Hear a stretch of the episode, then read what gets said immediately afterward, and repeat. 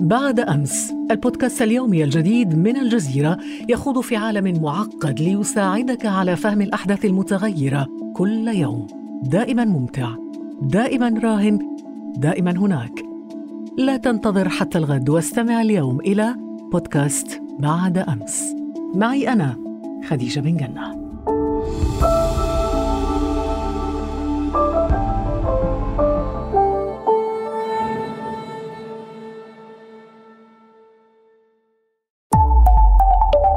الجزيرة بودكاست. الثاني والعشرون من أيار مايو 1967 تخيل بأنك صحفي أرسلتك الجريدة التي تعمل بها لتغطي مؤتمرا صحفيا عاجلا للرئيس المصري جمال عبد الناصر. هذه التغطية ستكون مختلفة عن أي تغطية قمت بها من قبل.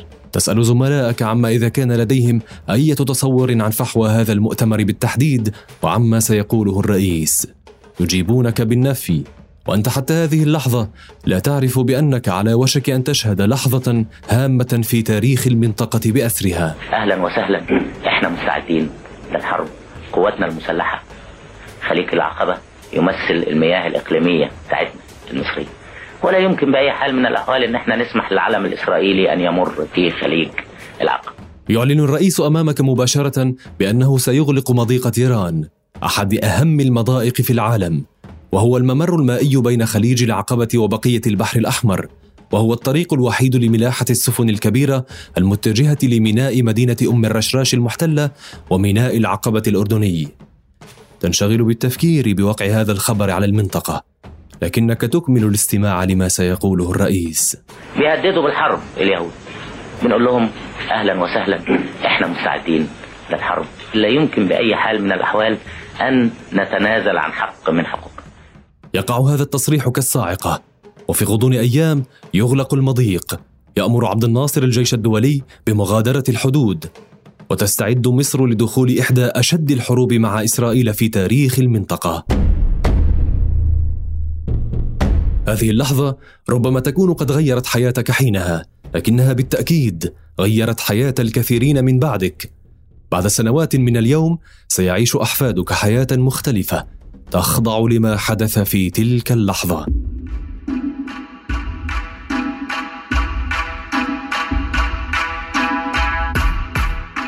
في هذا البودكاست سنروي لك لحظات غيرت تاريخ المنطقة العربية والعالم وسنحكي تاريخك. وستكون أنت بطل هذه اللحظات. أهلا بكم في حلقتنا الأولى من بودكاست لحظة من الجزيرة. أنا فريد وهذه الحلقة بعنوان إغلاق مضيق تيران قصة لحظة مفصلية في تاريخ الصراع العربي الإسرائيلي. مضيق تيران ممر مائي في البحر الأحمر. يبلغ طوله 16 كيلومترا وعرضه 4.5 كيلومتر. يفصل بين خليج العقبة والبحر الأحمر وتوجد فيه جزيرتان. جزيرة تيران التي سمي المضيق باسمها وجزيرة صنافير إلى الشرق. أهمية المضيق تأتي من ربط الأردن مع العالم أجمع وربط إسرائيل بالبحر الأحمر. وبالتالي آسيا وأفريقيا وأستراليا عن طريق ميناء مدينة أم الرشراش الذي سمي بعد احتلاله بميناء إيلات. عصام عبد الشافي الباحث في العلوم السياسية والخبير في العلاقات الدولية يحدثنا عن بدء هذه اللحظة. فيما يتعلق بجزيرتي تيران وصنافير آه، الأهمية الاستراتيجية لهاتين الجزيرتين تنبع من الموقع الاستراتيجي آه، للجزيرتين في مدخل خليج العقبة. آه، وليس فقط من من باب أنهما يقعان في مدخل الخليج وبالتالي يشكلان عمقا استراتيجيا للدول المطلة على الخليج. ولكن أهمية المضيق لا ترتبط فقط بالمضيق في ذاته ولكن ترتبط بدرجة أكبر وأشمل بموقع البحر الأحمر في خريطة التجارة الدولية. الكاتب والصحفي رمزي بارود أيضا يرى بأن إغلاق المضيق كان يهدد إسرائيل بشكل مباشر. بهذيك المرحلة بالتحديد كان في تقريبا 80% من آه، النفط آه، اللي كان يجي على إسرائيل كان يجي من خلال يعني ميناء إيلات فبالتالي آه، التفسير الإسرائيلي أنه كان إغلاق هذا المضيق يعتبر خنق إسرائيل اقتصاديا وإغلاق طبعا ميناء إيلات. وهكذا يبدو أن ناصر كان يعي جيدا أن إغلاق المضيق في وجه الملاحة الإسرائيلية لن يؤدي إلا لطريق واحد الحرب. فهل كان مستعدا لها بقدر حماسه؟ الدنيا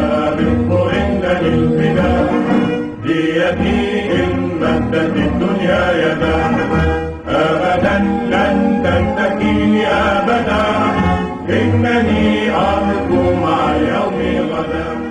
بدأ تاريخ الصراع على مضيق تيران مع بداية الوجود الإسرائيلي حيث تقدمت إسرائيل عام 49 في النقب تجاه خليج العقبة واحتلت قرية أم الرشراش لكي تكون منفذها على خليج العقبة. ومن هنا بدأت حرب إسرائيل في إبقاء مضيق تيران مفتوحا أمام الملاحة.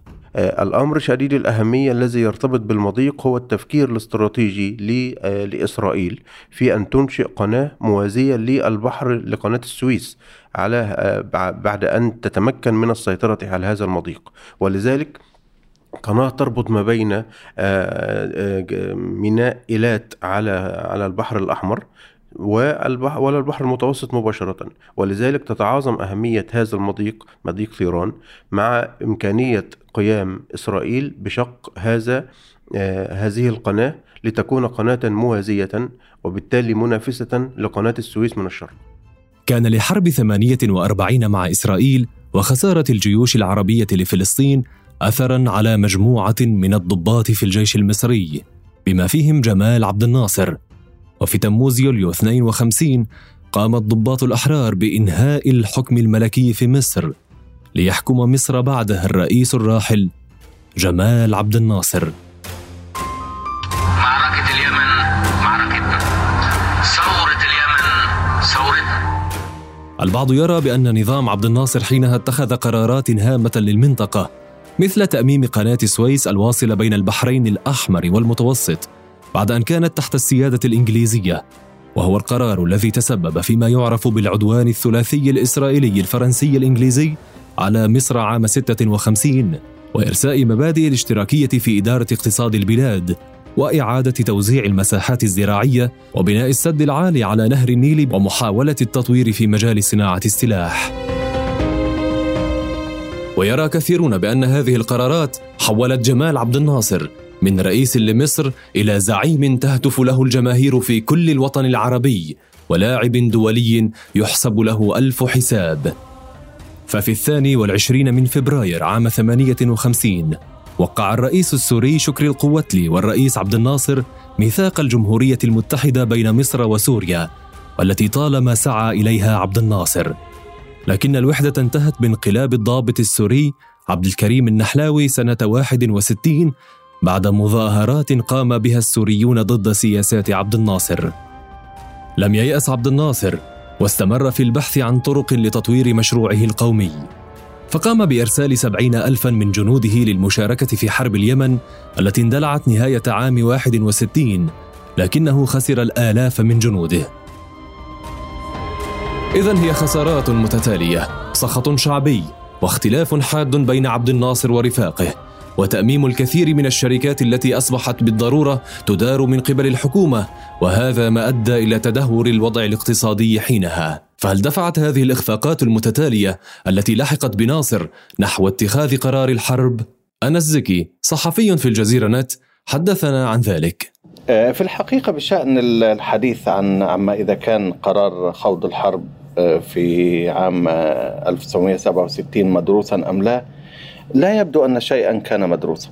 يمكننا الإجابة على مثل هذا السؤال بالنظر إلى النتائج. آه، فما انتهت إليه الحرب يؤكد أن شيئا لم يكن مدروسا وإلا لما خرجت آه، جيوش عربية بمثل هذه الهزيمة أمام جيش إسرائيلي. آه، كان وفق الإحصائيات أقل منها في كل العناصر سواء القوى البشرية أو حتى السلاح. تشكلت خطورة إعلان عبد الناصر إغلاق المضيق أمام الملاحة الإسرائيلية بسبب الظروف التي كانت تمر بها المنطقة. فالعلاقة بين دولة الاحتلال ودول الجوار كانت حالة حرب مؤجلة تبحث عن الرصاصة الأولى لبدء المعركة. ففي الربع الأول من عام النكسة وقعت أكثر من 270 حادثة في المنطقة العربية مع إسرائيل. حيث بدأت المواجهات فعلا بين الإسرائيليين والمقاومة السورية حينها في الجولان السوري في السابع من أبريل وفي الثالث عشر من أيار مايو بدأ التوتر بين مصر وإسرائيل عندما علمت إسرائيل بأن مصر تعزز قواتها في سيناء بتاريخ الرابع عشر من مايو. قام عبد الناصر كذلك في حينها بإجلاء قوات دولية جاءت حسب قرار أممي لتكون قوة عازلة بين إسرائيل ومصر.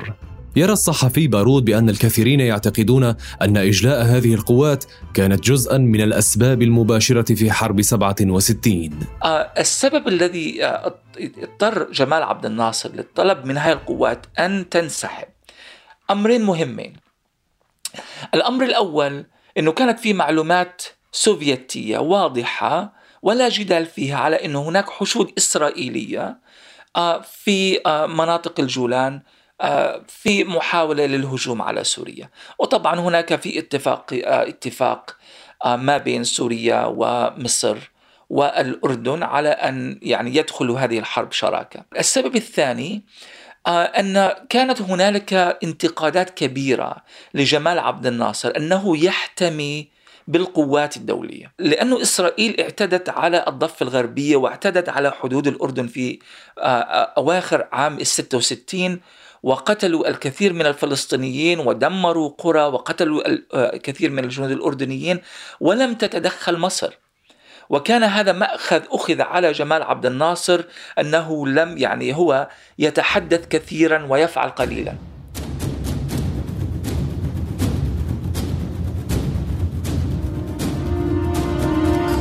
وبعد أسبوع آخر من ذلك الخطاب وتحديدا في الخامس من حزيران يونيو قامت إسرائيل بضربة استباقية جوية ضد مصر وحركت قواتها ضد الضفة الغربية والأردن وسوريا. الطائرات الحربية الإسرائيلية هاجمت جميع القواعد البحرية المصرية الجوية السبعة عشر وخلال ساعات تم تدمير جميع هذه القواعد وكانت هذه بداية الحرب وربما نهايتها أيضاً.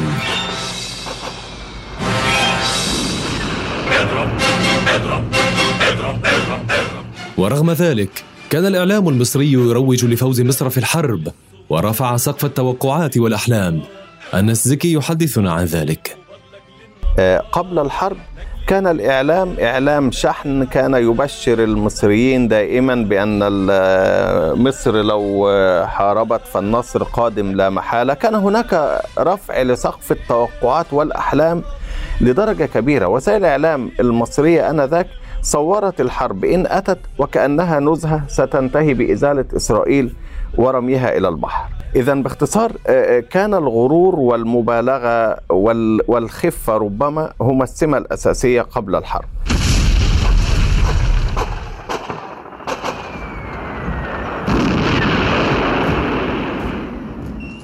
عدد الجيوش والعتاد في الدول العربية كان أكبر من الإسرائيلي لكن كفاءة الجيش الثاني كانت أعلى. لكن الإعلام في فترة عبد الناصر والذي كان يطلق عليه البعض إعلام النكسة كان سببا في إحباط العرب وهزيمتهم حيث أصر راديو صوت العرب حينها أن القوات المصرية تتقدم وتنتصر وهو ما لم يكن صحيحا على الإطلاق في حين أن بي بي سي والقنوات العالمية كانت تقول أن الجيش الإسرائيلي في تقدم وانتصار مستمر. كان لهذا التهويل أثر في رفع عزيمة الجيش الإسرائيلي وإصراره على الاستمرار في معركة الوجود. وطمأنة الجيوش العربية أن النصر حليفهم. كما قال أنس الإعلام تحدث عن أشياء آه، كانت يعني سخيفة كثيرا مقارنة بالواقع. تحدث عن إسقاط 250 طائرة إسرائيلية في غضون ساعات أولى من الحرب. آه، بل وصل الأمر إلى أنهم تحدثوا على أن الحفل المقبل لأم كلثوم سيكون في تل أبيب بعد أسبوع يعني. كان هذا هو الواقع أثناء الحرب ومنذ اليوم الأول إلى اليوم الأخير في الحرب والإعلام يتحدث عن تقدم مستمر وعن قرب الوصول إلى تل أبيب. عاشت مصر وعاش الأحرار. مصر التي في خاطري وفي فمي احبها من كل روحي ودمي انتهت الحرب احتلت إسرائيل ثلاثة أضعاف الأراضي التي احتلتها بعد حرب 48 بما فيها شبه جزيرة سيناء من مصر وهضبة الجولان من سوريا إلى جانب الضفة الغربية من الأردن بالإضافة إلى قطاع غزة الذي كان يخضع آنذاك لحكم عسكري مصري. خسرت إسرائيل خلال الحرب 766 جنديا مقابل آلاف الجنود والمدنيين العرب.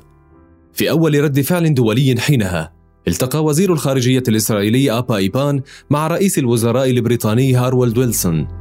وقال الأخير حينها أن الكابينيت اجتمع واستنتج أن الحصار المصري يجب أن لا ينتصر وأن بريطانيا سوف تنضم للآخرين في محاولة منها لفتح المضيق.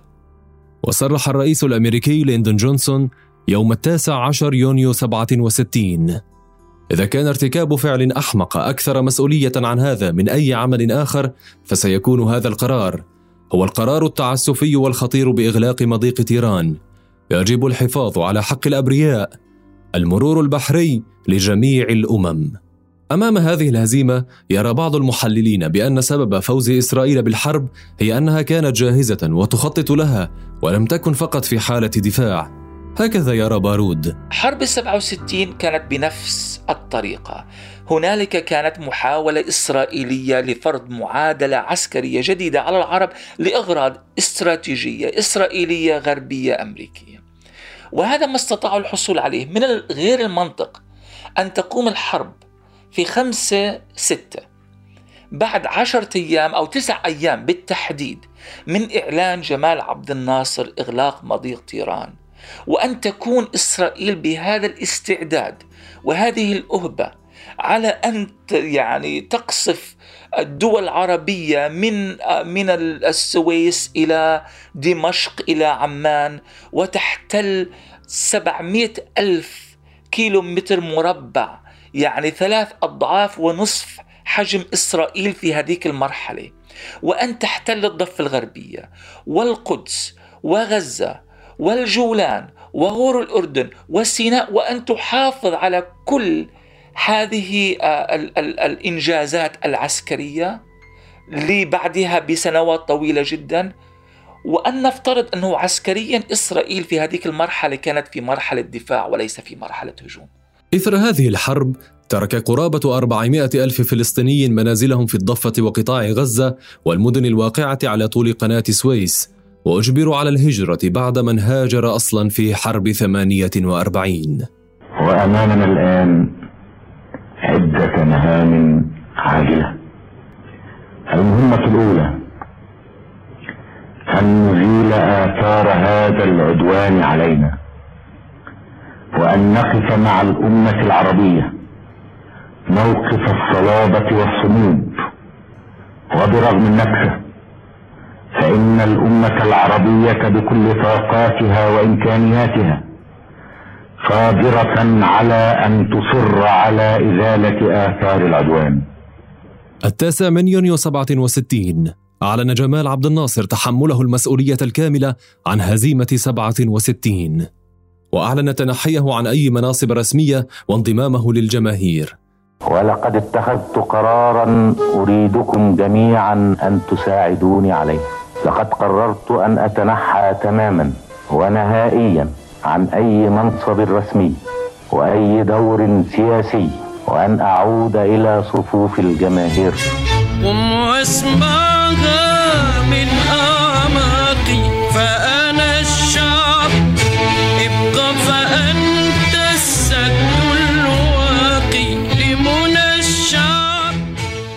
بعد حرب أكتوبر عام 73 وهي رابع الحروب العربية الإسرائيلية بعد حرب 48 و56 و67 وقع الرئيس المصري محمد أنور السادات اتفاقية كامب ديفيد مع رئيس وزراء إسرائيل مناحم بيغن وحسب المعاهدة خضعت الجزيرتان تيران وصنافير لسيطرة قوات دولية متعددة الجنسيات. ونصت الاتفاقية على حرية الملاحة الإسرائيلية في مضيق تيران. ومنعت مصر من أن تضع قوات عسكرية لها هناك. الخاسر الأكبر هو مصر التي انتقلت من كونها دولة مسؤولة مسؤولية كاملة عن المضيق إلى دولة مشاركة في إدارة المضيق مثلها مثل باقي دول الجوار. المستفيد الأكبر كما ذكرت هو إسرائيل باعتبارها أنها أصبحت الآن تتمتع بحرية مطلقة ولا تستطيع أي دولة من دول المطلة على المضيق أن تتحكم فيه في مرحلة قادمة لأنه أصبح مياها دولية كاملة الصلاحية. وينطبق عليها القانون الدولي بكل ما يعني ما تعنيه الكلمة من أبعاد وبالتالي هي المستفيد الأكبر من هذا الانتقال. طبعا جاء تخلي مصر عن الجزيرتي طيران وصنافير. هو الحقيقة شيء غريب ومش مفهوم يعني.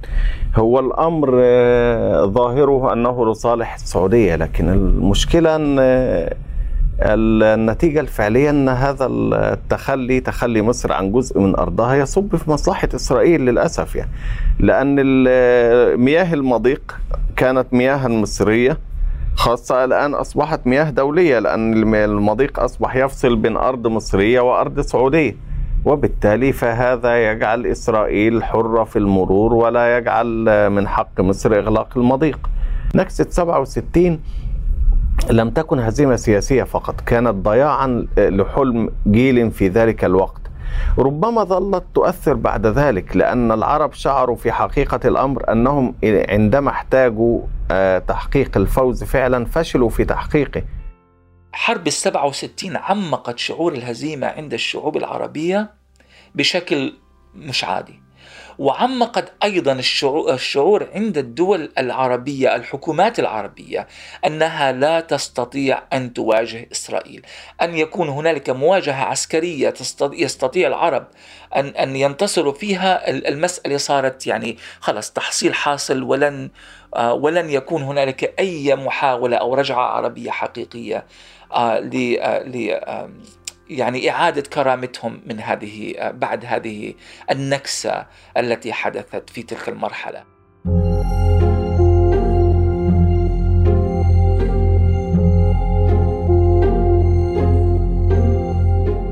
تقع جزيرتا تيران وصنافير تحت إشراف قوات دولية اليوم.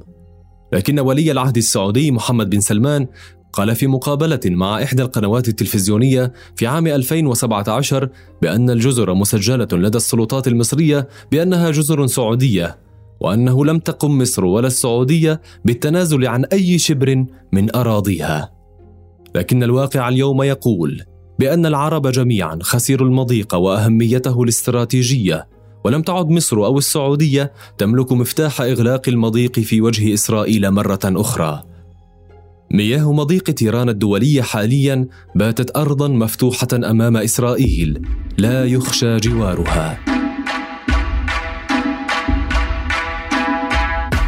هكذا غيرت لحظة إعلان مضيق تيران حياتنا. وفي الحلقة القادمة من بودكاست لحظة سنتناول لحظات أخرى غيرت حياتنا بشكل مختلف وربما في مجال مختلف أيضا. انتظرونا الأربعاء المقبل لتتعرفوا على اللحظة القادمة. ولا تنسوا زيارة موقعنا على الإنترنت podcast.aljazeera.net ومشاركة هذه الحلقة مع أصدقائكم. كان معكم في هذه الحلقة فريد. إلى اللقاء.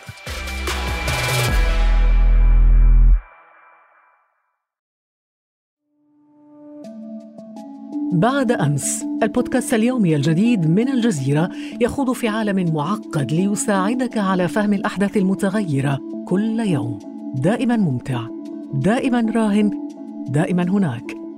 لا تنتظر حتى الغد واستمع اليوم إلى بودكاست بعد أمس. معي أنا خديجة بن جنة.